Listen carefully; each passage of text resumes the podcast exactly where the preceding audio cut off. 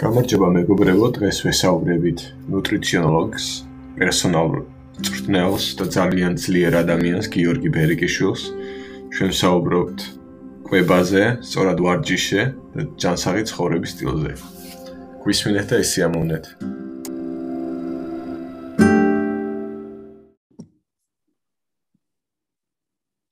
გამარჯობა მეგობრებო, დღეს ჩვენი სტუმარია გიორგი ბერეკიშვილი, ექსპერტი ნუტრიციონოლოგი, პერსონალური მწვრთნელი და ძალიან ძლიერი ადამიანი. მადლობა გიორგი, რომ მოხვედი და გვეწვიე. მოკლედ გამარჯობა ლაშა. ძალიან ბევრი კითხვა მაქვს დღეს განსაკუთრებით ჩემი ჩემი თავიდან გამომდინარე და დარწმუნებული ვარ ბევრი საინტერესო იქნება ეს გადაცემა. მოკლედ ჩენს თავზე მოკლედ მიყვე. აა ბოდიში გაგაწყვეტია. ანუ როგორ შენსავზე მომიყევი ცოტა და როგორ მოხდი ამ სფეროში, როგორ აირჩია, საიდან რაგზა გაიარე, რომ ვიცოდეთ მოკლედ სალამი, სალამი ნაშა და დიდი მადლობა. აა ჩემი ესეთ წარგენისთვის, ჩემთვის დიდი პატივია. მივესალმები ყველა ჩვენ მაყურებელს, რა თქმა უნდა. და საიდან დაიწყო ახლა ჩემი და როგორც როგორც გითხარი, თურქეთში რომ მუშაობდი, იქ გადავწყვიტე უკვე ფიტნესის და ჯანსაღი ცხოვრების დაწყება, იმიტომ რომ ნამდვილად შევწუხდი ჩემი ძველი ცხოვრებით ძალიან ისე ქართულ ქართული ჯიგრული ცხოვრება იყო რა კაი პულის ჯამა კაი ჯიგრული კონტები დალევა და მთელი ამბები რა ყველაზე. ხო და? გადავწყვიტე ჯანსაღი ცხოვრება. პირველი რაც გავაკეთე ეს არის გავაანალიზე ის რომ მე თავს ვერ შევიზღუდავ ვერანაირად. პირიქით მირჩევნია მაგრამ ვისი ამოვნო და ისე დავიკლო წონაშიც ისე მოვიდე ფორმაშიც და მთელი ამბები დავიწყე უბრალოდ ორჯერ უფრო მეტის ჭამა, აი ძალიან ბევრი ჭამა რა. ოღონდ თავარი პრინციპს ვიცავდი, რომ უნდა იყოს ჯანსაღი საჭმელი და არავითარი არა ჯანსაღი საჭმელი. რა თქმა უნდა ეს იყო აა ჯერ ვეგანი არ ვიყავი. მაგრამ მე ვეგანობამდე წივალ ახლავე, მაგრამ კი, ანუ უცხიმო ხორცი აუცილებლად, იმიტომ რომ აი მაკრატლით ვაჭრიდი თეთრ ნაწილებს, ხო, ხარ ცხიმი საერთოდ არ მეჭმე. აგარი გემულო გახჩუს ვაზე ხარ აი ეგეთ ხორცს ჭამდი მე რა ცხოველი ჭამდი რა. არ იყო თლაც სასიაულო მაგრამ ნელელა соусებით და соус რაღაც რაღაცეებით წაიყო რა. ბევრ ხილს ჭამდი ბევრ ბოსტნეულს ძირითადად. ხორცს ძალიან ცოტას ჭამდი დაჟე რა იმიტომ რომ არ სიამოვნებ და ხილი ბოსტნეული ну ეს ბურღულეული პარკოსნები მცენარეები ეს წიწიბურა და ასე შემდეგ. ძალიან ბევრი, ბევრი და დალაყრებული ვიყავი, მუდამ დაკმაყოფილებული და ყოველ დღე უბრალოდ დავრბოდი 1 საათი, ცოტა ადჟიმანიები, ცოტა პრესი და ეგ იყო რა. 100 კილოდან 75-ზე ჩამოვედი. მერე, მერე უკვე გადავწყვეტი ხანი დაგჭირდა? 7 7 თვე მეტი კი არა. 7 თვე. ვაუ. კი, ჯანსაღი ყვება, ჯანსაღი ყვება უბრალოდ და ის პატარა სირბილი რა. აჯიმანია რაც ჩავთვლი დიდად რა, იმიტომ რომ ძალიან ცოტას ვაკეთებდი მაინც. თან ეს მე ახლა იმიტომ ვიძახი ამას რომ სუქანი გენეტიკის ადამიანი ვარ. ყოაზე ხარ და ჩემ ვიმუშავა ახლა ყველას მაგას ვურჩევ და შედეგიანი ხალხი წავს ძალიან ბევრი. მე რო დავიწყე ახლა კაჩაობა მოვიმატე მასა, მე გამოვშრი ისე ბოლომდე 70 კილოზე ჩამოვედი შეჯიბრისთვის. მე ვაფშე დავალებე თავი და ზუსტად მაგის მერე დავიწყე ვეგანი, ვეგანი ვარ რა, იმიტომ რომ ნელ-ნელა ვიძიებდი ამ ინფორმაციას, სწავლობდი მაშინ კიდევ ფიტნეს და ყველანაირი მხარე მაინტერესებდა რა, ვეგანიზმიც, პალეო დიეტაც, კეტო დიეტაც, ყველაფერი გამოვცადი ნელ-ნელა და ბოლოს გავჩერდი ვეგანიზმზე. და რატო გავჩერდი ახლა? ძირითადად ჯანსაღს რო ჭამ არის ძირითადად მოხარშული საჭმელები. და სცენარეული კვება უფრო მოხარშული, უფრო გემრიელი გამოდის რა, ესე ვთქვა. თან კიდევ ის გავაანალიზე რომ უცხიმო მწვადი ნამდვილად ძალიან უგემურია, აი რა თქვი რა, უცხიმო ხორცი. ხორცს რეალურად რა აძლევს გემოს? მარინადი, соусები და რა ქვია იმას? ხო, соуსი, соуსი, მარინადი და სუნელები რა, ეგეთი რაღაცა. ცხიმი რა. ხო, ცხიმი, ხო. ცხიმი, მარინი. შაქარი. ცხიმის გარშე შათვალე აგურს ჭამ რა, ხო, აზე ხარ, ცარიელი ცილა. თან არც ჯამფელობის არც კარგია, მთლიანად. და გადავედი ესე ცოტა ხანი გავსივდი თავიდან, იმიტომ რომ ნახშირწყლები მაინც წყალს აკავებს, მაგრამ ერთ თვეში ჩავდექი ნორმაში ისევ, ჭამის შეზღუდვის გარეშე.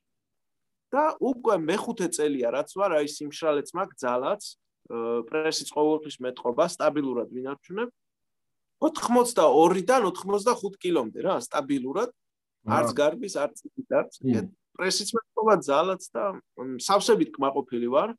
თან მოცულობით ბევრი ჭამა შემიძლია უფრო და ნასიამოვნებიც ვარ. მეტი ხილი, მეტი ბოსნეული, მეტი ბურღულეული და პარკოსნები. და მარხეინად ვარ ახლა უკვე რა და არც ვფიქრობ რომ გადაუხვიო ამ გზას. ძის ნაწარმი ცოტა გამიჭირდა, მაგრამ მე ეგრევე ჩავალაცვლე იმით რომ ცხიმს მოუმატე. ცხიმს მოუმატე თხილეულობით რა, ანუ მიწის თხილი, ჩვეულებრივი თხილი, ნიგოზი, აი ეგენი რომ მოუმატე, დამიკმაყოფილა ცხიმის მოთხოვნილება, არც ყველის პრობლემა მქონდა, არა, რომ მაგან მიშველა რა ესე. როგორ მიიღე?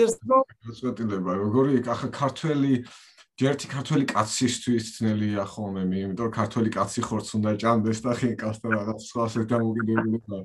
თან მეორე ფიტნესში რომ მიდიხარ, ეს დამატებითი შრია კიდე რომ ხორცი პროტეინი გჭირდება ბევრი რაღაც. აი როგორ მიხვედი და მოვკიდებათ ასეთ გადაწყვეტილებად, თან ფიტნესში გინდა წასვლა. და თან ამავე დროს მცენარეულ კვებაზე გადახვედი, რაღაცა ისეთი კომბინაციაა, რაც ბევრის თავში არ ჯდება. შენ მაგალითად რამე შთაგონება ქონდა თუ შენ რა ფსიქოლოგიურად რაღაც მომენტი იყო, როცა გადაწყვეტიას? აა პირველ პირველ რიგში იმას ვიტყვი ფიტნესში ისედაც ვიყავი უკვე რა. უკვე кай ხანი ვიყავი ფიტნესში. აა და შეჯიბრის მერე ბოდიბილდინგის შეჯიბრია რა, ესე ვთქვათ, men's ფიზიკი, ფიზიკას აჩვენებ. მაგის მერე გავხდი ეგრევე და ბევრისთვის შოკი იყო ახლა, იმიტომ რომ ხორცი აუცილებელია. გეი ხო არ ახარ, ხო აზე ხარ? გეი ხო არ ახარ? რა ხორც არ ჭამდა რაღაც. მეც ეგრე ვფიქრობდი ადრე, ხო აზე ხარ? მეც მაგაზე ვკაიფობდი. და მე მივხვდი რა, რა დიდი სისულელია. პირველ რიგში, ხო ოჯახში, იმიტომ რომ ძალიან მეხორცე ახელი ვარ მე თვითონ. და მეხორცე ოჯახი მყავს, ხო აზე ხარ? ხორცი ყოველთვის იყო, არის და შეიძლება, რავი, თუ რამე არ არ მოახდინეს სასწაული იქნება კიდეც რა. მა ეგ არ მიშინდა ხელს საერთოდ, თან მე საკუთარი მაგალითი მქონდა რა, ანუ თელ ჩვენ საგვარეულოში ჩემნაირად არც არავინ გამოიყურებოდა და ჩემზე არც არავინ ძლიერი არ იყო და მე მაგალითი მქონდა ჩემთვის რომ აი რო ლუბოი დროს ახლა უხეშად ნათქვამი არ აი მოვაკეტინო რა ნებისმიერს მაგალითიც მქონდა და მეცნიერული ფაქტებიც და ყველაფერიც ეგეთ ეგეთ თემას მივაწექი უფრო. და ფიტნეს ინდუსტრიაში დღესაც ახლა ისე უყურებენ რომ აი ვერა რაღაც მაგრამ მე ყველას უთხარი და ახლაც ვეთქრო შემიძლია ნებისმიერ შევეჯიბრო და დავნიცლავდეთ ერთი თვე ვიღაცა ხორცს არ შეჭავს მაგალითად. თუ მე მოვიგე თუ მე წავაგე მზად ვარ ხორცით ვჭამო მაგრამ წაგებაზე წაგებაზე ნამდვილად არ ვფიქრობ სავსებით დარწმუნებული ვარ ჩემდავში ესე თქვა ჯერ არავის მოუგია ახლა მაგრამ ბევრი ბევრი გამოწვეული წარი მომისმე ფიტნესში აა რთული იყო გადაწყვეტილების მიღება, რომ აი ფიტნესში გინდა რა რა რა მომენტი იყო რა აწონ დაწონე მაგალითად შენ თავში და თუ აშკარა იყო შენთვის რომ რაღაცა უკვე ფიტნეს ამ მიმართულებით გინდა და ცხოვრების მიცუმა. იცი მე რო საკუთარი თავი შევცვალე და აბსოლუტურად ყველაფერი შეიცვალა მეტი თავდაჯერებულობა უფრო კარგად გამოიყურები სადაც არ უნდა წახვიდე გაკაჩავ აი მე რომ ახლა უცებ სადმე ღმერთისგან დავიწყებულ სადღაც ჩამაგდო, კაროჩი, იქაც გაკაჩავ ისეთ იმდენი თავდაჯერება გაქვს, იმდენი თვითმაყოფილება ეს ცვლილება რომ მოხდა. ო, გეუბნებდო, აი ტროპიკებში რო ჩამაგდო, პროსტო შორტები მინდა და ჩვეულებრივ ვიცხოვრებ, აი ძალიან მაგრა, დიგადი. თელი გულითა და სულით ვამბობ, თელი გულითა და სულით ვამბობ ამას, რო აი მაგარი თავდაჯერებულება გემატება რა გოგოების პონჩიც ყველა პონჩი იმიტომ რომ თენ წო უთქულა ვიყავი ახლა და ცოტა რაღაცა მორცხვი ბიჭი და რაღაც და მე რა ესე მომემატა ყველაფერი. მაგიტომაც მინდა რომ ძალიან ბევრს დაუზიარო ესა.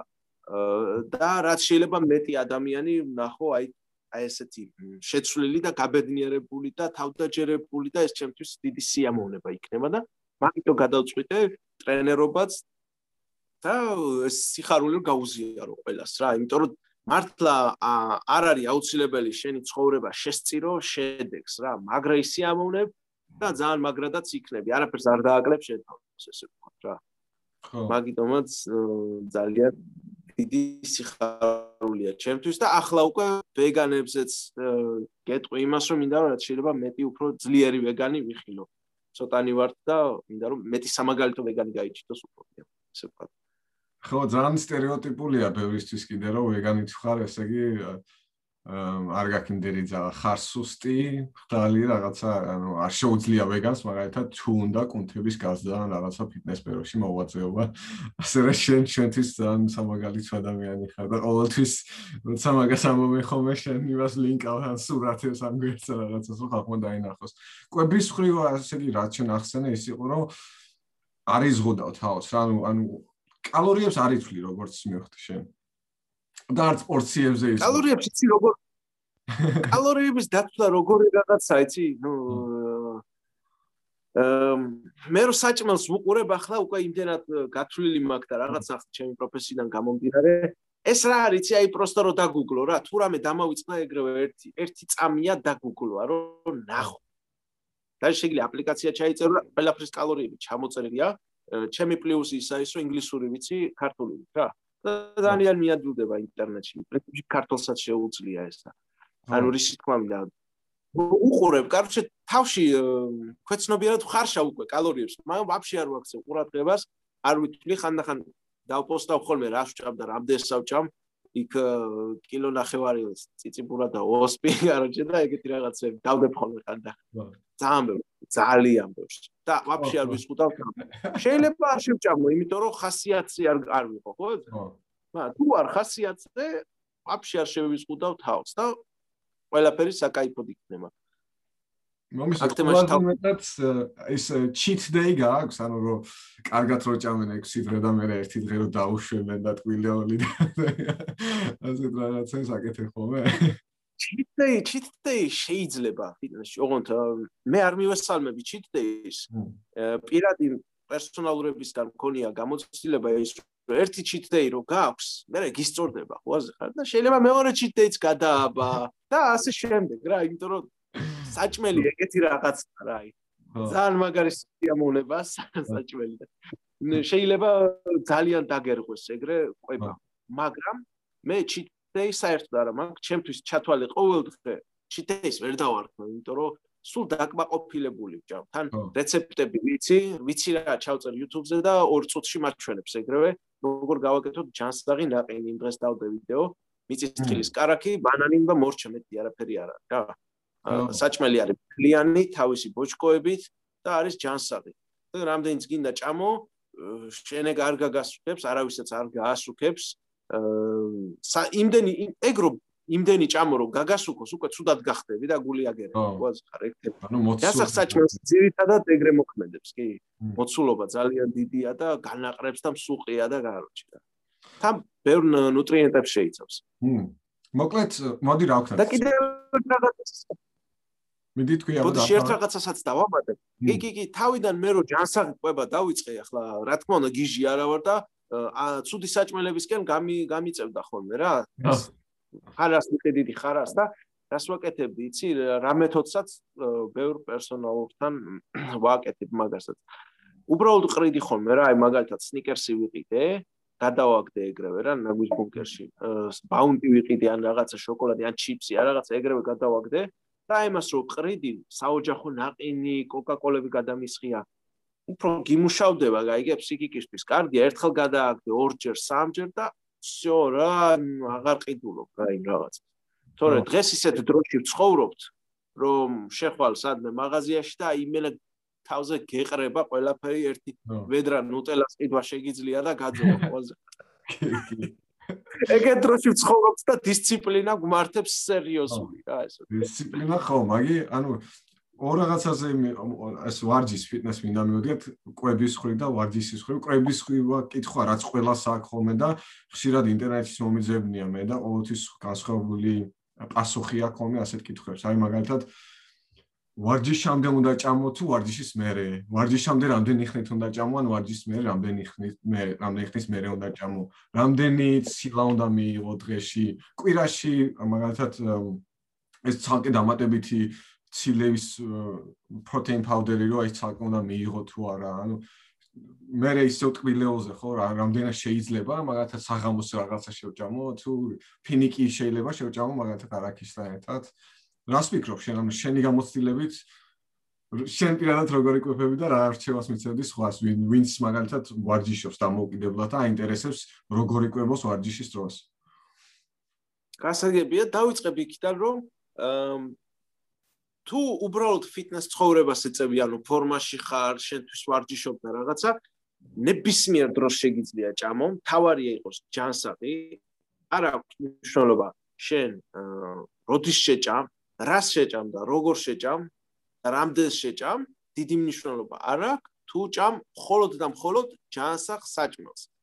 ეს ჯანსაღი საჭმელი უნდა გაარკვიო ახლა, რაც არის არის მთლიანი საჭმელი ინგლისურად whole foods, და როჩე, ანუ ხილის წვენი კი არა მთლიანი ხილი ზეთი კი არა ხილი და ასე შემდეგ რა მთლიანი საჭმელი მაგალითად ჩურჩხელა არ არის მთლიანი საჭმელი იმიტომ რომ ის არის ქვილი და წვენი აი ჩურჩხელა რო გაკეთდეს მთლიანი ბურღულეულის ქვილით და დაბლენდერებული ყურძენი თეგუპლიანი საჭმელია რა ესე ვთქვა. აი ეგეთი ეგეთი არ ხდება, ეგეთი არ ხდება. ანუ ჩურჩხელა არ არის მაგას.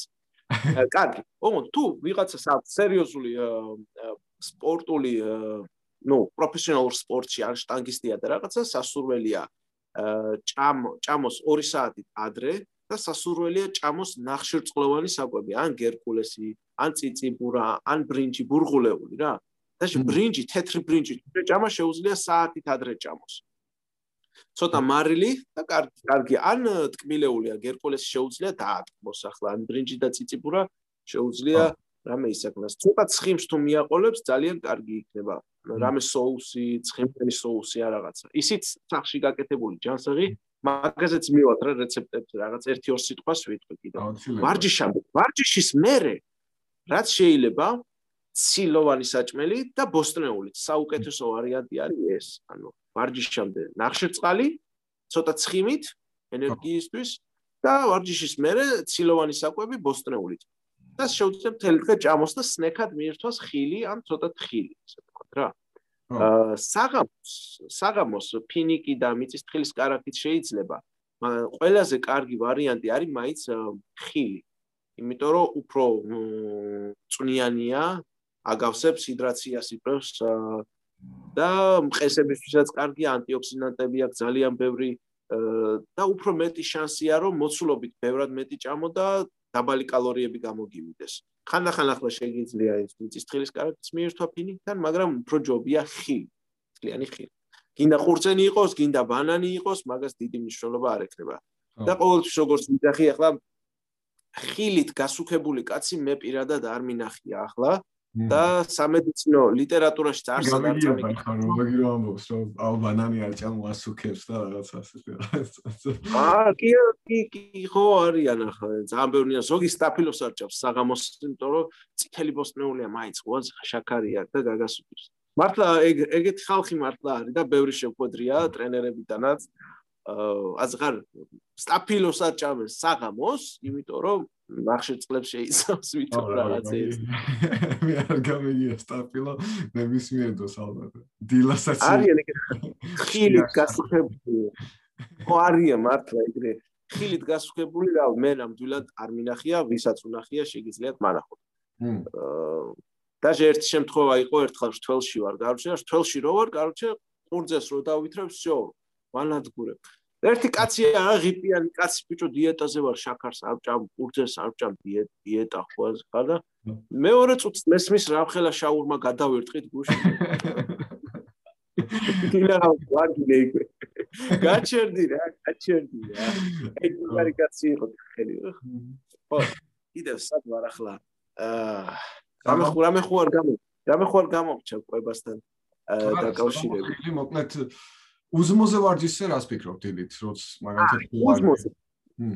როგორც როგორც ვთქვი თავიდან რა ანუ დიდი მნიშვნელობა არ ექნება მაგას ზოგი პირიქით უზმოზე უკეთესად ვარჩიობს თუ შენს კონცში არის გლიკოგენი და საერთო ჯამში შენ იყვება არის ჯანსაღი და საკმარის ჯამ შენ უეჭველი გექნება ენერგია რომ ივარჯიშო დაჟე უზმოზეც კი. ну ახლა მთელი დღე თუ შიმშილა და საღამოს ივარჯიშე დაგერხება უკვე. მაგრამ აი დილას თუ ივარჯიშე ან ცოტა ესე 12-ისკენ პირიქით შეიძლება უფრო უკეთესად ივარჯიშო უზმოზე ვიდრე დაჭამზე რა ესე. ბევრი მინახავს მაგალითად თვითონ ვარჯიშის დროს ბევრი მინახავს ბანანს ჭამდა რაღაცა ხშირად რაღაცა სასმისები აქვს ხოლმე ალბათ რაღაცა ენერგეტიკული სასმელი ან რაღაცა. ამაზე რას ფიქრობ ვარჯიშის დროს? ჭამაზე ან რაღაცა რაღაცის დალევაზე წყლის გარდა ანუ სხვა სასმელი ვარჯიშის ვარჯიშის დროს რო ვინმე ჭამდეს მე არ მინახია პირადად.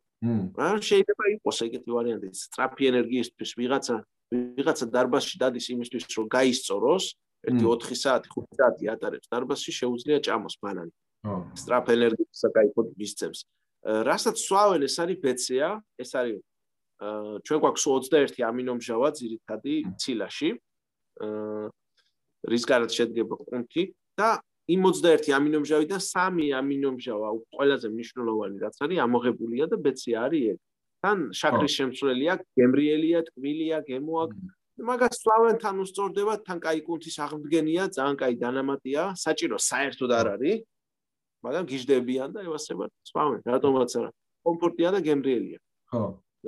ენერგეტიკებს ცოტა ენერგეტიკებს სვამენ ხოლმე და ვარჯიშის წინ ცოტა ცოტა ჩხოლეტა იგრძნონ მოიხოდონ ძებან სამსახურიდან მოდიან დაღლილი არ რაღაცა არავის არ ურჩევ მაგ ენერგეტიკებს იმიტომ რომ ნამდვილად ნამდვილად არ არის საჭირო. ეგ არ უნდა იყოს მე მაგის garaშე უკვე ვეღარ ვარჯიშობ, არც გისწორდება ძალიან, მიჩვევა იცით ძალიან სერიოზული რა. ყველაზე დიდი დიდი ჰაყავადალიო ვარჯიშამდე ნახევარ საათი ადრე და დასწროს აკაიფო ვარჯიში. აა. ასე რომ დანამატებიდან საერთოდ ერთადერთი დანამატი რაც რეალურად გჭირდება, თუ кайკვება გაქვს, რა თქმა უნდა, ეს არის კრეატინი. კრეატინი. მაგრამ დამიკითხე კრეატინზე ხათაშებს და კარგად აქვს. კარგი. ძალიან კარგი. ყველაზე მაგარი დანამატია კრეატინი. კრეატინი რასაკეთებს ახლა მარტივად რო ავხსნა, გაძლევს ენერგიას. ოღონდ როგორ ენერგიას? штанგას შენ თუ წევ მაქსიმუმ 5 ჯერ და მეც ვეღარ წევ. კრეატინი მოგცემს ენერგიას აწიო 7 ჯერ. შეიძლება 8 ჯერაც.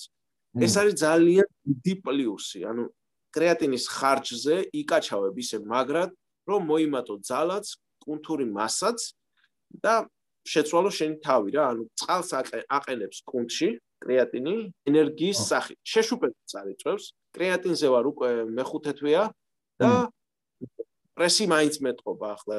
მოაზე ხარ ან არიწევს შეშუპებს ზოგი ფიქრობს რომ აი ვაიმე წყლით გავიბერები, მე ეს წყალი წავა მასას დავკარგავ ნამდვილი სისტემით.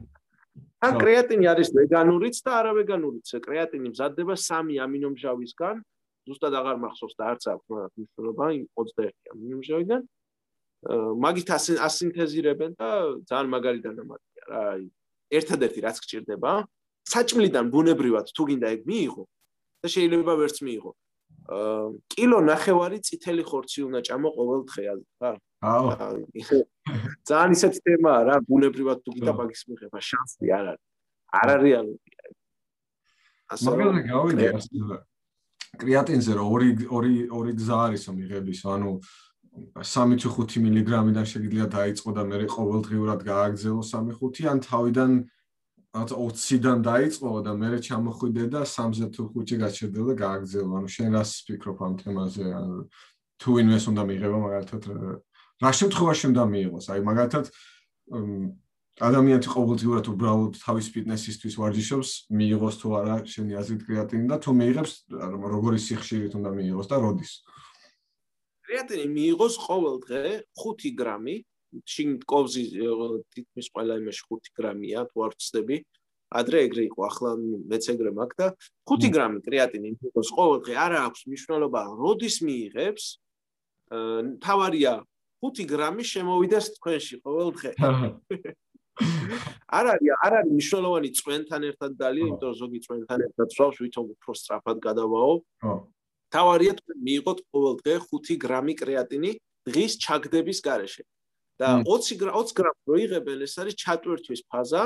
კრეატინი უნდა გაჯერდეს კუნთში. და როცა ყოველდღე 20-20 გრამს იღებ, დაახლოებით 4-5 დღით უფრო მალე გაჯერდება და მე უბრალოდ 5 გრამით შეინარჩუნებ კრეატინის დონეს კუნთებში.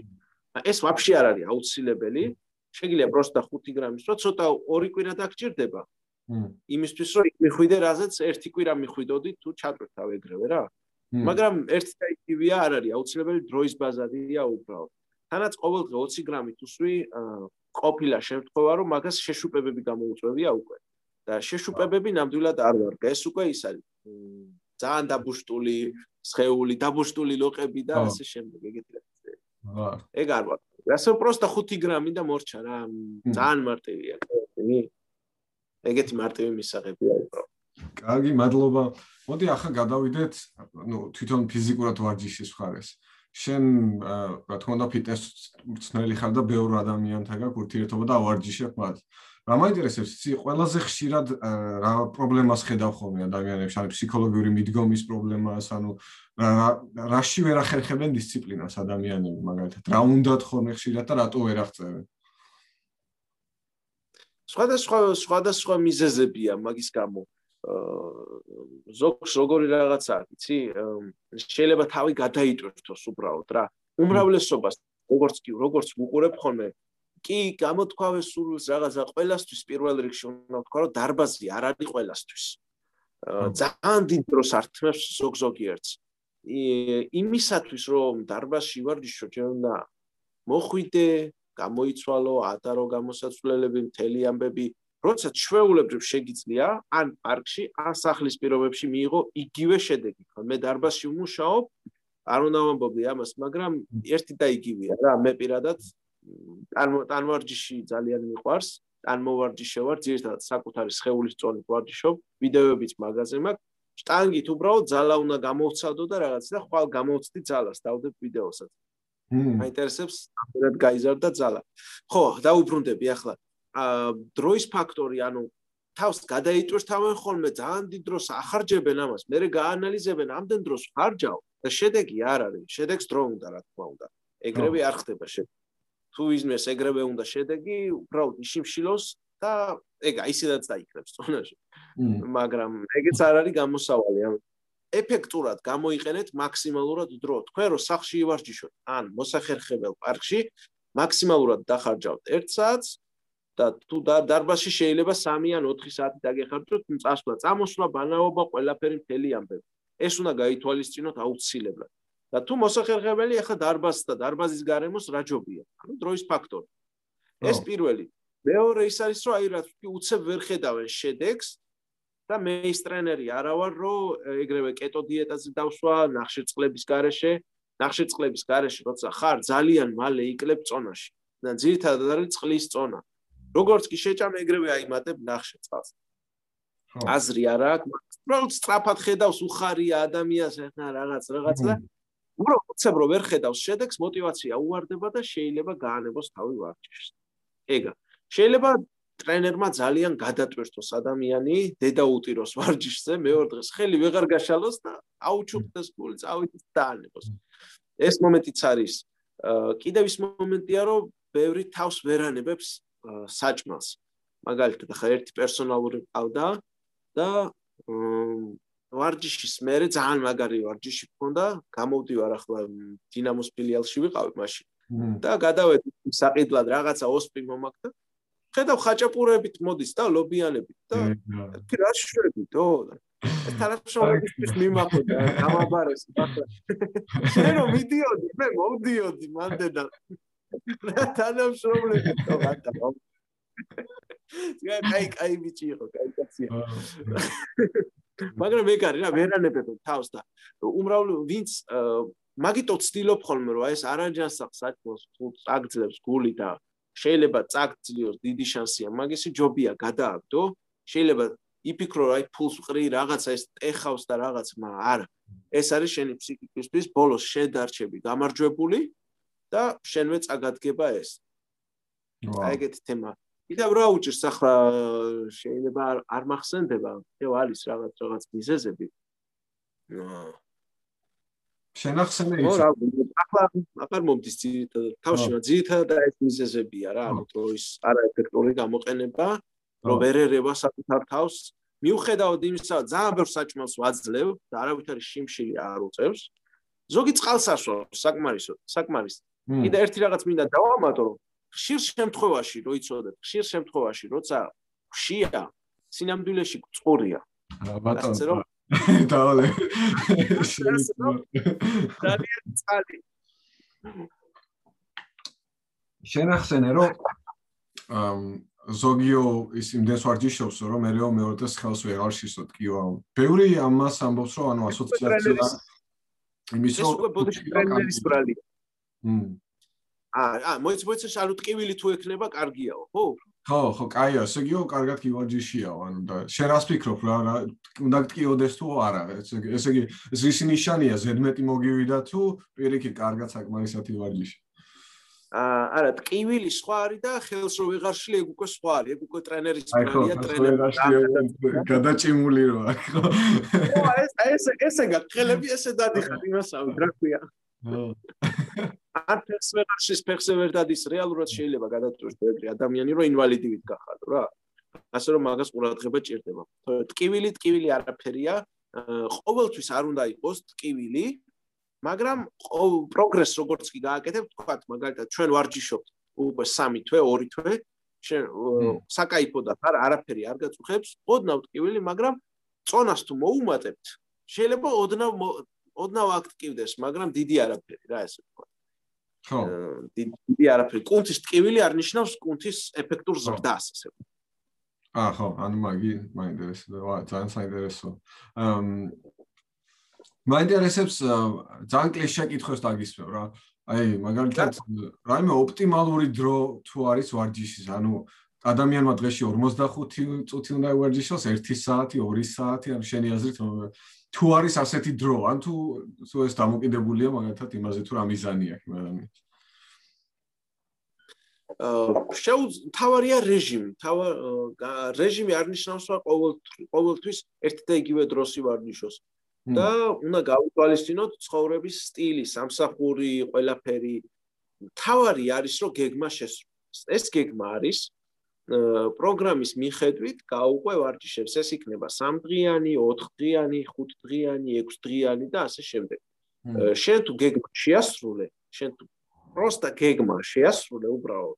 всё, ჩათვალე ყველაფერი კარგად იქნება. ვარჯიშის დრო კიდე გააჩნია რისთვის ვარჯიშობ. ხა თუ ვარჯიშობ კუნთისთვის, ანუ კუნთის მასა გაზარდო, სხეული გაიუმჯობესო, გამძლეობა მოგემატოს, აი ეს ოქროს შუალედი, საათზე მეტი არ დაგჭირდება არასდროს რა. დაახლოებით ვიძახი პლუს მინუს 10 10-15 წუთი პლუს მინუს. ხო. შეიძლება არც დაგჭირდეს, მაგრამ საათი ესე ვთქვა, საშუალო. თუ ძალისთვის ვარჯიშობ, მაქსიმალური ძალისთვის, როგორც სამჭიდელი და ძალოსანი, მაშინ დაახლოებით 2 ან 3 საათი დაგჭირდება, იმიტომ ძალიან დიდი ხანი ისვენებ. დაახლოებით 3-4 და ხანდახან 5 წუთიც გჭირდება, რომ შეისვენო. სადღაც ეგ და ბევრ მისვლებს აკეთებ ესე ვთქვა რა დიდი ხანი გიშება თუ უბრალოდ გამძლეობისთვის ვარჯიშობ 40 წუთით საკმარისი პროსტა გამძლეობისთვის ვარჯიში. აი ესე იქნება და კარდიო ვარჯიში 30 წუთით პაუზებით საკმარისი უბრალოდ კარდიო ესე აი მისვლები ახსენე შენ მაგაზეც ახშირად ხოლმე ანუ როგორ ჯობია?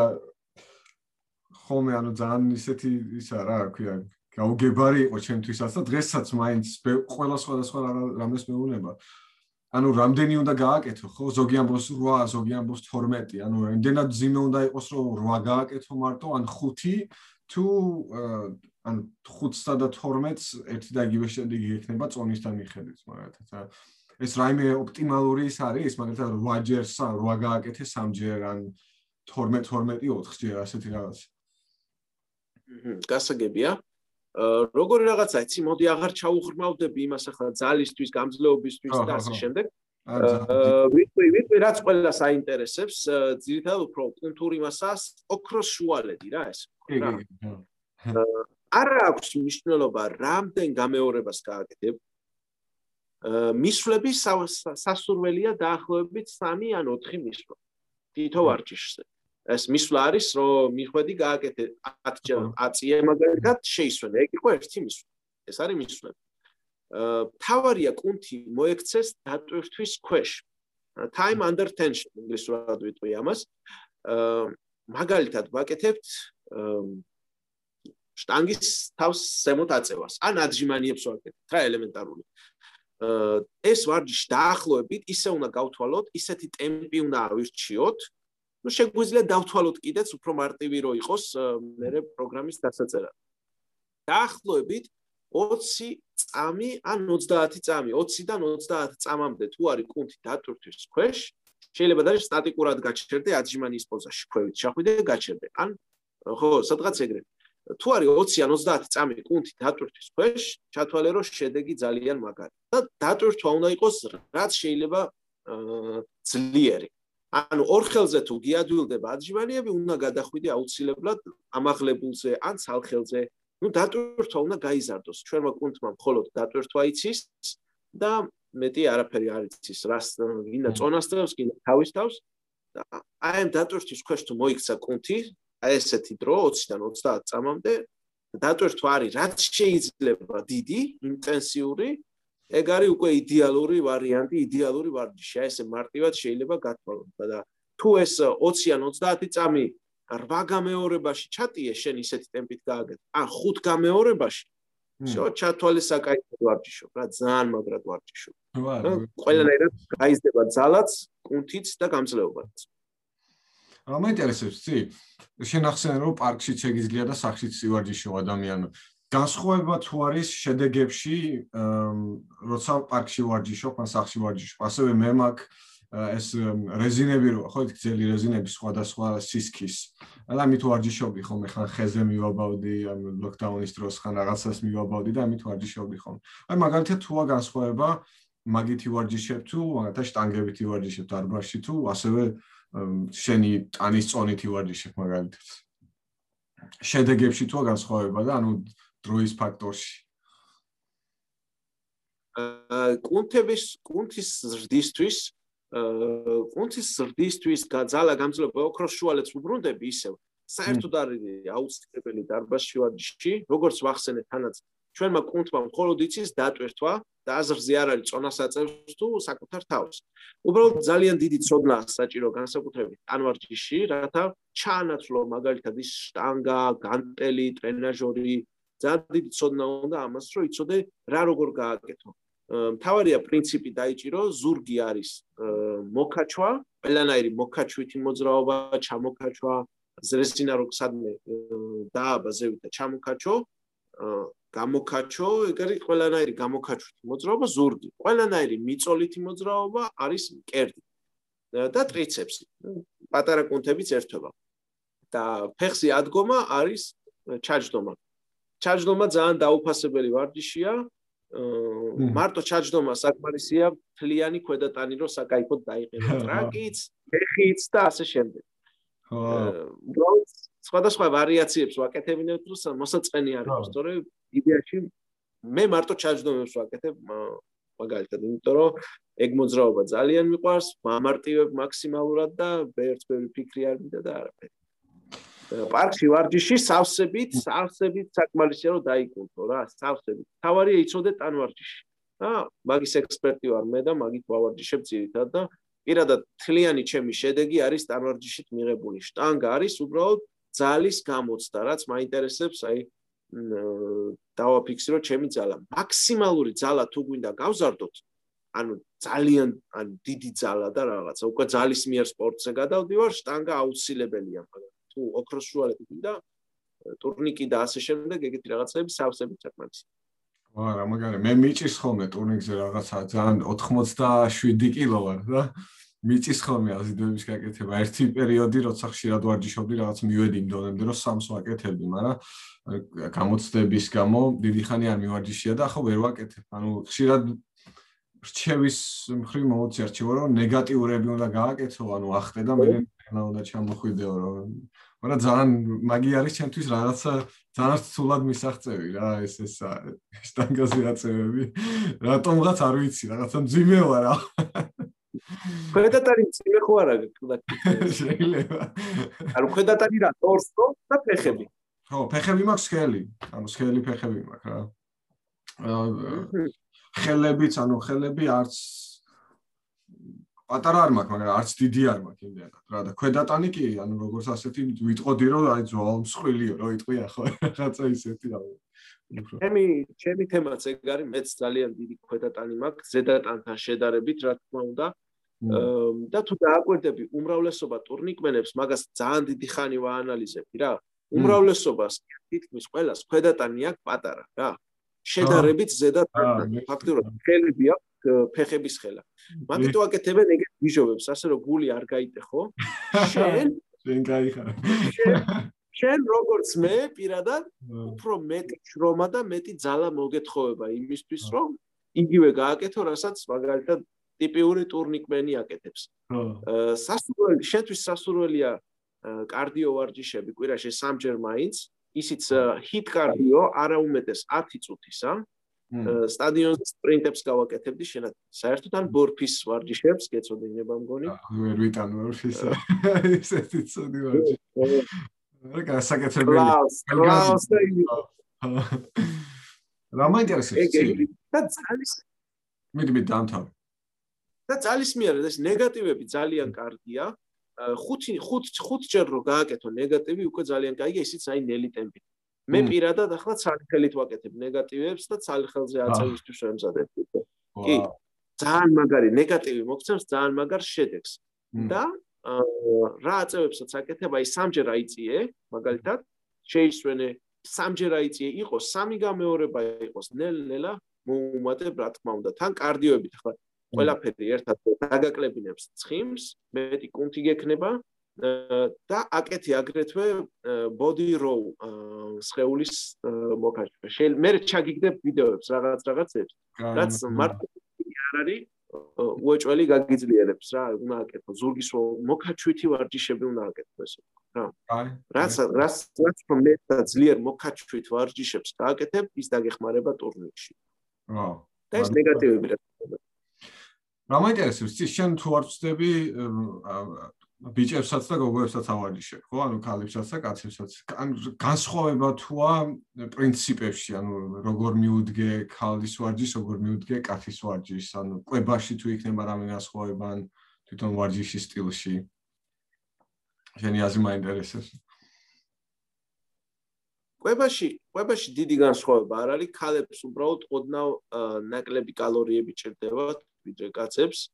ვარჯიშებშიც ძალიან დიდი განსხვავება არ არის. უბრალოდ ვარჯიშები არის მიზან მიმართული. აა კალებს უფრო სხვანაირ კერდის ვარჯიში მაგალითად კალებს საერთოდ არ ჭირდებათ, იმიტომ რომ კერდის კუნთის გაზრდით კერდი არ გაეზრდებათ მაინც. აა თუმცა ერთი ვარჯიში მაინც საჭიროა კერდზე. ანუ კალებს ჭირდებათ რა, ნაკლები კერდის ვარჯიში, მეტი ქვედატანის ვარჯიში და ზედატანის ვარჯიში უფრო ძირითადად მხრები. და ზურგი და ზურგი. მე მკერდზე არ ჭირდება რა ვარჯიში, ანუ ეგ მეტი განსხვავება არ არის. კაცსა და ქალში. მიზან მიმართული ვარჯიშია, ყოველას ინდივიდუალურია და ასე შემდეგ ქალებს არ ჭირდება ფეხის წინა ნაწილის ბევრი ვარჯიში, კიდევ ფეხის გაშლა და ფეხის ტრენაჟორები. ერთი ჩაჯდომა ჭირდება, შტანგის ამოწევა, ძირითადად ჩაჯდომა და უკანატანის ვარჯიში რა ესე ვთქვათ. წინა ნაკლებად ჭირდებათ, ისედაც გაეზდებათ ჩაჯდომებით. და ეგ არის მეტი არ დიდი განსხვავება, ძალიან დიდი განსხვავება არ არის. კაროჩე, პროსტ უბრალოდ მიზან მიმართული ვარჯიში. ანუ ქალს დიდი ხანი ჭირდება, მაგალითად უფრო დრო მიზნის მისაღწევად ვიდრე კაცს, თუ არა გამიგია ხოლმე ამბობდნენ რომ ქალისთვის უფრო რთულია მაგალითად კუნთის გასდა რაღაც. ან ან ბევრ გოგოს გონია კიდე გამეგი ასევე რომ თუ ვივარჯიშე წონებით, ესე იგი მე კუნთები დამეტყობა და კაც დავინგვანებიო, ნუ ესეც მაინტერესებს. კი, ქალებს ცოტა უკეთ ჭირდებათ. კიდევ ქალს გააჩნია რამდენი დაჭირდება, მაგრამ მეტი მეტი დრო ჭირდებათ, იმიტომ ტესტოსტერონი არა აქვთ იმის ნახევარიც კი რაც ჩვენ გაგვაჩნია კაცური ჰორმონი რაც ბუნებრივად მიდრეკილია დაბალცხიმიანობაზე და მე კონცე აგრესია კაცური პონტი რა ხო? არა ეს ქალებს ასე რომ ცოტა მეტი დრო დაგჭირდება თუმცა სავსებით მიღწევადია და ქალის აგებულებას გაჩია რაც უფრო დაბალია გოგონა თუნდაც ბიჭი უფრო ადვილად დაიკუნთება გამოშრება და მთელი ამ ადვილად შეავსებს თავის ესე ვთქვათ თავის ჩარჩოს უფრო ადვილად რაც უფრო დაბალია განსაკუთრებით ხშირად ხედავ ძალიან დაკუნთულ გოგოებს უფრო ვინც არის უფრო დაბალი. მაღლებს ცოტა უფრო უჭირთ. ეს თემა ბიჭებშიც გოგოებშიც უფრო ძირითადად გოგოებშიც და გოგო გოგოებს რაც შეეხება სასურველია ივარჯიშონ რაც შეიძლება დიდი წონեն ასევე როგორც ბიჭებს რაც არ უნდა ივარჯიშოს მინდა თავი მოიკლას თავმა კაც მაინც ვერ დაემსგავსება იმდენად დაიკუნთება, რამდენადაც ქალი შეიძლება დაიკუნთოს, გაიუმჯობესებს საკუთარ თავს. და ვარჯიშებით მკერდი არ პატარავდება ეგეთი მოსაზრებაც არის. ვაიმე თუ ივარჯიშე ბევრი და რაღაცა მკერდი პატარავდება. არა მკერდი პატარავდება სასტიკი დიეტებით და ძალიან რო იკლებენ წონაში მკერდი ძირითადად შედგება წყლისგან და ცხიმისგან და როცა გამოშრები რა თქმა უნდა გამოშრება და დაიჭრება ასე რომ მაგას მნიშვნელობა არა იკაჩავეთ რაც შეიძლება დიდი წონებით ყველაზე მაგარი ტრაკი აქვს ვაფშე იმას ვინც ძალიან დიდ წონას უჯდება. ან დიდ წონას ამოწევს კონკრეტულ შტანგას. ასე რომ წონები საჭიროა და წონებიც რო არ იყოს, დატვირთვა მთავარი, ანუ ცალფეხზე ჩაჯდომა ძალიან მაგრად აყენებს ყველაფერს. საკმარისია სწორედ. რა მაინტერესებს, იცი, როცა მე დამოუკიდებლად ვარჯიშობდი, ბევრჯერ ყოფილა სიტუაცია, როცა რაღაცნაირი ტრავმა მიმიღია, ან მე ხელის ვერ გაშლა თუ გინდა, ან მუხლი მიდგენია და ასე შემდეგ. თუ ტრავმა მიიღე, ანუ მეორე დღეს აშკარად ტკივა რაღაცა ნაწილი ორგანიზმის, რა იქნება საუკეთესო მოქმედება მეორე დღეს, ანუ ისევ გაწილვების გაკეთება შეიძლება თუ სანამ არ გადაგიარს ეს ტკივილები, მანამ უნდა შეეშო მთლიანად, თუ ან მასაჟი უნდა გაიგეთო, თუ ან რას ფიქრობ, როგორი მიდგომა საუკეთესო ამ შემთხვევაში? აა არსებობს ორი რამე, არსებობს გადატვირთვა და არსებობს ტრავმა. გადატვირთვა უბრალოდ დრო უნდა, დრო უნდა აცალო კონც რო აღგეს წელი ამბები და თავისი დაგება, ეგ არ არის პრობლემა. კაი საკვები უნდა მიაწოდო, კაი დასვენება და ლაი სუბუკი სუბუკი ფუნქციური ვარჯიში. ფუნქციური ვარჯიში რა არის? ანუ ძალიან სუბუკი აერობიკა. ფუნქციური ვარჯიში უნდა შეასრულო მაგალითად ბიცეპსის ფუნქცია რა არის? ხელის გაშლა. ო. ესეთი აერობული ვარჯიშები რა. ტრიცეპსის ფუნქცია არის ხელის ისა ბიცეპსის არის ხელის მოხრა, ტრიცეპსის ხელის გაშრა ბოდიში. და ასე შემდეგ, ეგეთი რაღაცა ფეხის მოხრა, ფეხის გაშლა ელემენტარული ვარჯიშები. ეს სისხლის მიმოქცევას აუმჯობესებს, ამას პლუს გაწელვა და ვარჯიში მაქსიმალურად სწრაფად აღდგება ორგანიზმი გადატვირთვისგან. ხოლო თუ მოხდა ტრამვა, ეს უკვე სერიოზული საქმეა, უნდა დადგინდეს რა ტრამვა მოხდა და შესაბამისად ვარჯიში უნდა შეწყდეს აუცილებლად და ვაცადოთ რომ აღდგეს სხეული. ტრამვები ხდება ხშირ შემთხვევაში გადატვირთვებისგან და დანაკლისებისგან, რაღაც ვიტამინი, მინერალი, ომეგა-3, ძირითადად მაკრო მიკრო მიკრო ნუტრიენტების დანაკლისის გამო და გადატვირთვის გამო. აღდგენას ვერასწრებს კუნთი, ყესები და კიდევ რო იტვირთება всё უკვე შეიძლება გაიტრამოს რა იქ რაღაცა მოხდეს ან გახლეჩვა დაზიანება და აი რაგბისტების მაგალითს ვიტყვი თითქმის ყველას მენისკები აქვს დაზიანებული მუხლებზე. მე მაქვს ფოტოშოპი ყესიც მაგალითად ხო ფეგბურთის დროს გამიწყდა ყესი ფეგბურთს თამაშობდი და მოჩეხეს და ყესი გამიწყდა. მე არასწორად გამიკეთეს ოპერაცია და მე ორი ოპერაცია დამჭირდა კიდე გას ანუ სამი ჯამში. და ოსტრეოარტრიტი დამემართა მენისკი მქონდა დაზიანებული ანუ უჯრედები მქონდა დაზიანებული და ანუ გადაბმული მყესებით გაწყდა ისევ თავიდან და ისევ თავიდან ისქნეს რა ადამიანის. ასევე მე მაქვს ასეთი სინდრომი, რომელსაც ქვია hypermobility სინდრომი, ანუ ჩემი უჯრედები ყველადია ვიდრე სხვა ადამიანის და ეს ესეც რაღაცა როლს თამაშობს. თუმცა ამავე დროს ანუ აუცილებელია ჩემთვის რომ მთელი ცხოვრება ვივარჯიშო. ანუ იმ ხრივ რომ წონა და დატვირთვა, რომელსაც მე მივიღებ, ანუ ყოველდღიურ ცხოვრებაში უნდა წავიდეს კუნთებზე და არ უნდა მოხდეს ეს მაგალითად ყესების ხარჯზე. ამიტომ ყოველთვის უნდა იყოს რაღაცა კუნთები ტონუსში უნდა ქონდეს რა ადამიანს და ერთი ხრი კარგია, იმიტომ რომ მაძალებს იმას რომ ივარჯიშო, მეორე ხრი ძალიან. ივარჯიშო. აა სავარაუდოდ შერაც მოგივიდა რაგბისტებს და ვაფშე ფეხბურთელებსაც კარგი ახსენე რო უყურებ საშინელი საშილად დიდი გადატვირთვები აქვს რა ძალიან დიდი გადატვირთვები და ყვება ხშირ შემთხვევაში არ არის არ აქვს საუკეთესო რა კაი სათად არის ყვება. ზოგი დანაკლისში ანალიზებს არაბარებს რაღაცა დააკლდა იქა ეგ იწევს აი გადატვირთვებს გამოფიტვებს და ომეგა-3 ზოგმა არც იცის რა არის და არა და ომეგა-3 უკეთებს მყესებს ლუბრიკაციას რათა არ გაშრეს ან გაიცვითოს და თელი ამბები რა შეშემთხვევაში თუ ყესებზე გინდა მინიმალური დატვირთვა მისცი და მაქსიმალური კუნთებზე ბოლომდე არ გაშალო ხოლმე კიდურები ანუ თქვათ მაგალითად აკეთებ შტანგის აწევას, ბოლომდე არ გაჭიმო, ესე ვთქვა. ოკეი. თუმცა იმისათვის რომ ყესებიც გააძლიერო, შეგიძლია დატვირთვას მიაქციო დიდი ყურადღება და ნება ნება მიეპარო, ანუ ზედმეტიც არ გააკეთო. ბოლომდე როცა აკეთებ საერთოდ მოძრაობას, ყველანაირი კიდურის ხო იტვირთება, მაგრამ აგრეთვე მყესიც ნელ-ნელა ეჩვევა ამ სტრესს, ამ დატვირთვებს და უფრო ძლიერდება. უბრალოდ ყურადღება ასაჭირო და სათადარიგო ნუტრიენტების მიღება. ომეგა-3 აუცილებლად ყოველ დღე. ეს პირველია, რაც უნდა მიიღო, ეს არის პრიორიტეტი. ჰმ. საინტერესო, მადლობა დიდი. ბოლო რამოდენიმე კითხვას დაგისმევ და ერთ-ერთია საიდან დავიწყოთ? ანუ ადამიანი ვარ, ხო? ბევრს ბევრს უნდა ვარჯიში, ბევრს უნდა ჯანსაღი ცხოვრება, მაგრამ არ იცი საიდან დაიწყოს. ხშირად ასე ვწყვეთ ხოლმე, ხო? ან ან ახალი წლიდან, ან ორშაბათიდან ვიწყებ და კონკრეტულ გეგმას ადამიანები ვერ ვადგენთ, იმიტომ რომ არ ვიცით როგორი ვარჯიშები უნდა გავაკეთოთ, რა სიხშირით უნდა გავაკეთოთ, სახში ვარჯიშოთ, გარეთ ვარჯიშოთ, როგორ უნდა ვიკვებოთ. ანუ ასეთ ადამიანს რჩევას მოგცემი, საიდან დავიწყოთ, როგორ დავიწყოთ მაგალითად. როცა არ ვიცით, როცა არ არ გვაქვს ინფორმაცია.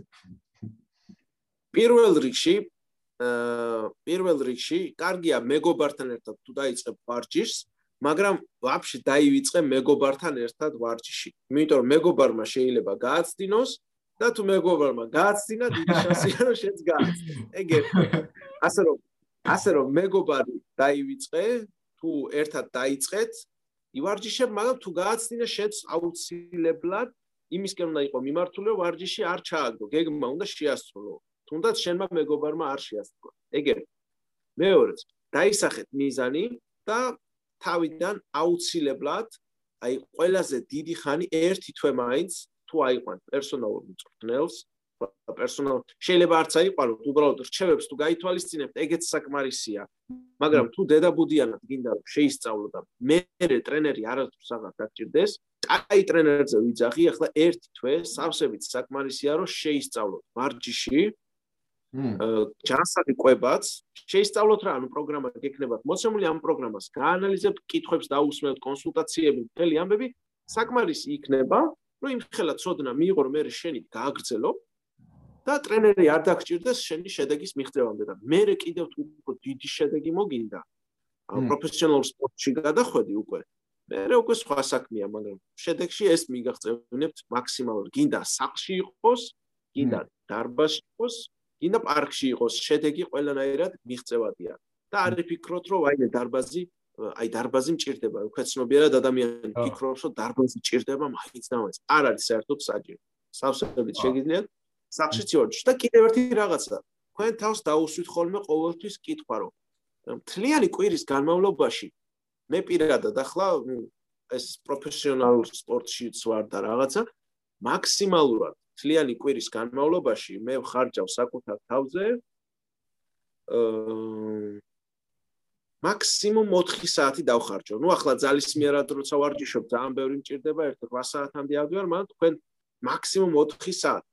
და შენ თავს 4 საათი თლიანი კვირის განმავლობაში როგორ ვერ უნდა დაუთმო, ისათვის რომ იყო ბევრად უკეთესი, უფრო ძლიერი, თავდაჯერებული და მთელი ამბები რა. ანუ ანუ მგონი სავსებით ბევრი დრო არა. მარტივი განცხადება არო შენ თავს ეს დაუთმო რა, ეს შენი თავისთვის არის, შენ შენთვის არის. თავიდან შეიძლება ცოტა გიჭირდეს რაღაცა, მაგრამ პროსტა უთხრა შენ თავს რა, აი გეგმა უნდა შევასრულო. ეს არის გეგმა. მარტივი გეგმა და მე მაგის garaშე ვეღარ ციცხოვრებ, როცა შეეჩვევი რა, ეგეთ თემა. აი ესე და ესე შეეჩვევს მიცემდი ნებისმიერ დამწყებს რაც უნდა დაიწყოს ტრენერი აუცილებელია დასაწყისში თუ სერიოზულად გადაწყვიტეთ თქვენი თავის თქვენი ცხოვრების შეცვლა. თუ გაითვალისწინეთ უბრალოდ რჩევები, ეგეც სავსებით საკმარისია. მოკლედ მეტი თქვენი მოგიწევთ ჩაძიება, სწავლა და ასე შემდეგ. ასე რომ არც ტრენერი არ არის მთლად ისეთი. აუცილებელი, თუმცა ძალიან მაგრა დაგეხმაროთ. ოდიში ორ ადამიანს ვისაც ვარჯიშის დაწყება უნდა? ხშირად ადამიანები აბრალებენ ანუ აბრალებენ რა დროს რო დრო არ მაქვს. დრო სამუშაოს როცა ამთავრებ დაღლილი ხარ მე პირადად სამუშაოს მერე მიწევდა ვარჯიში და ბევრჯერ ვიღაცას უთქვავს რომ ანუ საღამოთი ვარჯიში არ შეიძლება. დაწოლამდე მაგალითად 3 საათი ადრე ვარჯიში არ შეიძლება. თუ შეიძლება მაგალითად ადამიანმა ივარჯიშოს სამუშაოს მერე მაგრამ სავსებით შეიძლება მანამდე ივარჯიშოს ვინც ვერ ახერხებს მანამდე საღამოთი ვარჯიშით აუნებს თუ აჯანსაღებს ორგანიზმს მაგრამ საერთოდ არავნებს თავარი ადამიანი ჩაჯდეს რეჟიმში. თანაც მე ეგეთ ადამიანებს ვეთყვი რომ აი იგივე დროს ვუბრუნდებით ხო დროის ფაქტორს რომ ყველას დარბაზი არ არის როგორც წავხნიშნე და შედეგი შეგიძლია საფიც მიიღო პარკის მიიღო ნებისმიერ იმაში. მე მაგალითად ახლა ჩემ თავზე შემიძლია ვთქვა რომ თურქეთში რო ვიყავი მაშინ დავიწყე ფიტნესი, მაშინ დავიწყე ვარჯიში და იქ ყოველ დღე დაახლოებით 11 საათიდან 14 საათამდე საშუალოდ მუშაობდი ყოველ დღე. მაგრამ ვარჯიშს მაინც ვასწრები. თუ ადამიანი მოინდომებს ის დროს გამონახავს. შენ მაგალითად უნდა კითხო ახლა რომელ საათზე იწყებ მუშაობას? მე ვიწყებ 9-ის ნახევარზე დილით. 9-ის ნახევარზე იწყებ მუშაობას. გასაგებია? რამდენი ხანი გჭირდება რომ მიხვიდე მაგალითად სამსახურში? ჯერჯერობით ახლა ნუ სახლიდან მუშაობ, მაგრამ აა მანამდე ჭირდებოდა საათი ალბათ, საათი და რაღაც საათი და 20 წუთი ვთქვათ. ცუდგეზე გასაგებია. ცუთი კაი დღეზე 1 საათი. გასაგებია. ამჯერად, ამჯერად შენ უკვე გაქვს კომფორტი იმისთვის, რომ სახში ივარჯიშო. მაგალითად, ადგებ 7-ზე, გამოფხილდე სადღაც 20 წუთი, საათი ივარჯიშო და უკვე მზად ხარ, ანუ საათ 20 წუთი თუ გამოფხილდი, 7-ად 20-ზე, 8 საათს და 20 წუთზე უკვე მორჩენილი იქნები ვარჯიშს. სადღაც 20 წუთი გინდა რომ იქ ბანაობა მთელი ამბები ყველაფერი გამზადებული ხარ უკვე. სავსებით შესაძლებელია, მთავარია მოინდომო, მთავარია შენ თავს უთხრა, ეს გეგმა, ეს გეგმა უნდა შესრულდეს. მორჩა. დროს უეჭველი გამონახავს ადამიანი, გინდა დილას სამსახურამდე, გინდა სამსახურის შემდეგ თავარია მონტომება ყველაფერი სავსებით შესაძლებელია. დაჟე ადამიანმა ღამეც რო ღამეც რო ივარჯიშოს, ღამე რა არ გულისხმობს 12-ის მერე, მაგრამ 12-მდე სავსებით შესაძლებელია. კი, ნამდვილად თავარია მონდომება იყოს მე ესე ვფიქრობ, ყველაფერი შესაძლებელია. და ბოლოს ბოლო ბოლო ბოლო ბოლო ბოდიში ბოლო ბოლო თუ ეგრე თუ ეგრე გადატვირთულია რომ აი არც ერთი საათი არ აქვს თავისუფალიდან მთელი აპები უბრალოდ ჯანსაღი კვების დაცვით და ბევრი სიარულითაც დაიკრებს წონაში. ოღონდ ეს ვიძახი მარტო წონაში კლებას. დაკაჩავებას და რაღაცას არ გულისხმობ. ბოდიში გაგაწყვეტინე რაღაც მაგათქვა ბოდიში. ხო მაგიც დაკლება ძალიან ხირადასმული კითხვა თითქმის ყველა მაგასვას, ანუ რამდენად მნიშვნელოვანია კვების ასპექტი და ვარჯიშის ასპექტი, მაგალითად მარტო მარტო ვარჯიში თუ დაიკლებ, ან მარტო კვები თუ დაიკლებ, ან გამიგია რომ კვება 70%-ია და ვარჯიში 30 მაგალითად იმ ხრივ თუ რამდენად ხარს უჭერენ ზონაში დაკლებას. კვება კვება ნომერი პირველია. აა რამდენიც არ უნდა ივარჯიშო თავის თუ რომ მოიკლა მაინც ვერ დაიკლებ მარტო ვარჯიში. ყვება თუ არ დაიცავე, ყვების დაცვა აუცილებელი. წელი ნომერი პირველი. სხვა გააკეთე.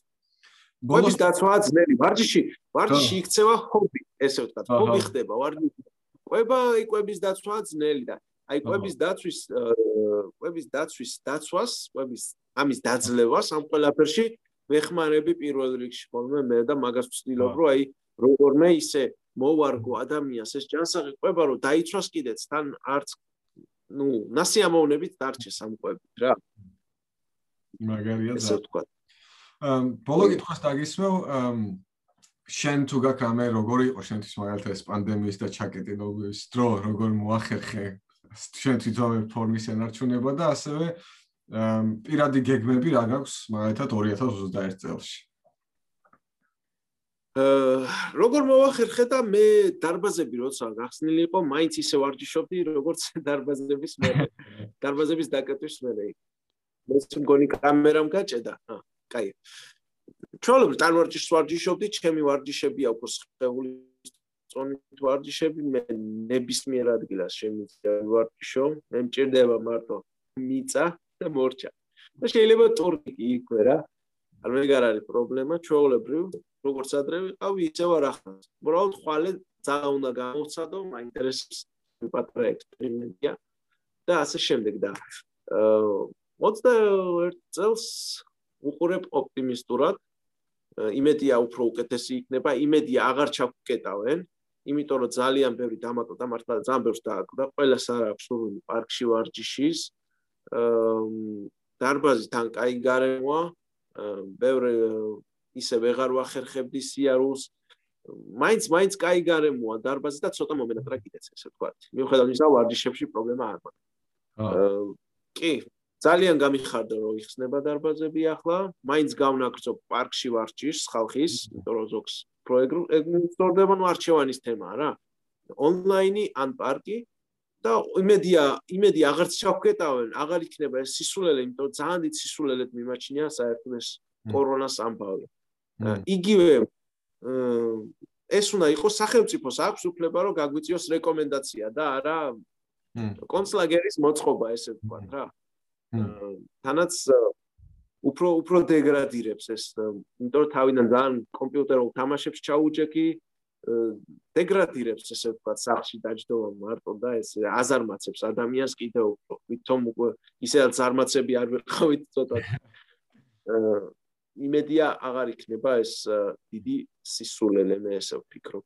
და მალე დამთავრდება და რავი ისეთი რაღაცა მოხდა რაც არ წარმომედგინა რომ მოხდებოდა.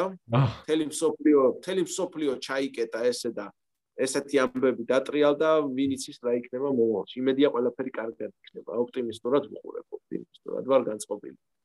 გიო ნახოთ რა იქნება ვინმეს თუ უნდა შენ შენ შენთან დაკავშირება და წვრთება დაყვანა და მუშაობა მინდა რომ გაგვიზიარო როგორ საუკეთესო გზა იმისა თუ როგორ დაიკავშირდნენ ადამიანები.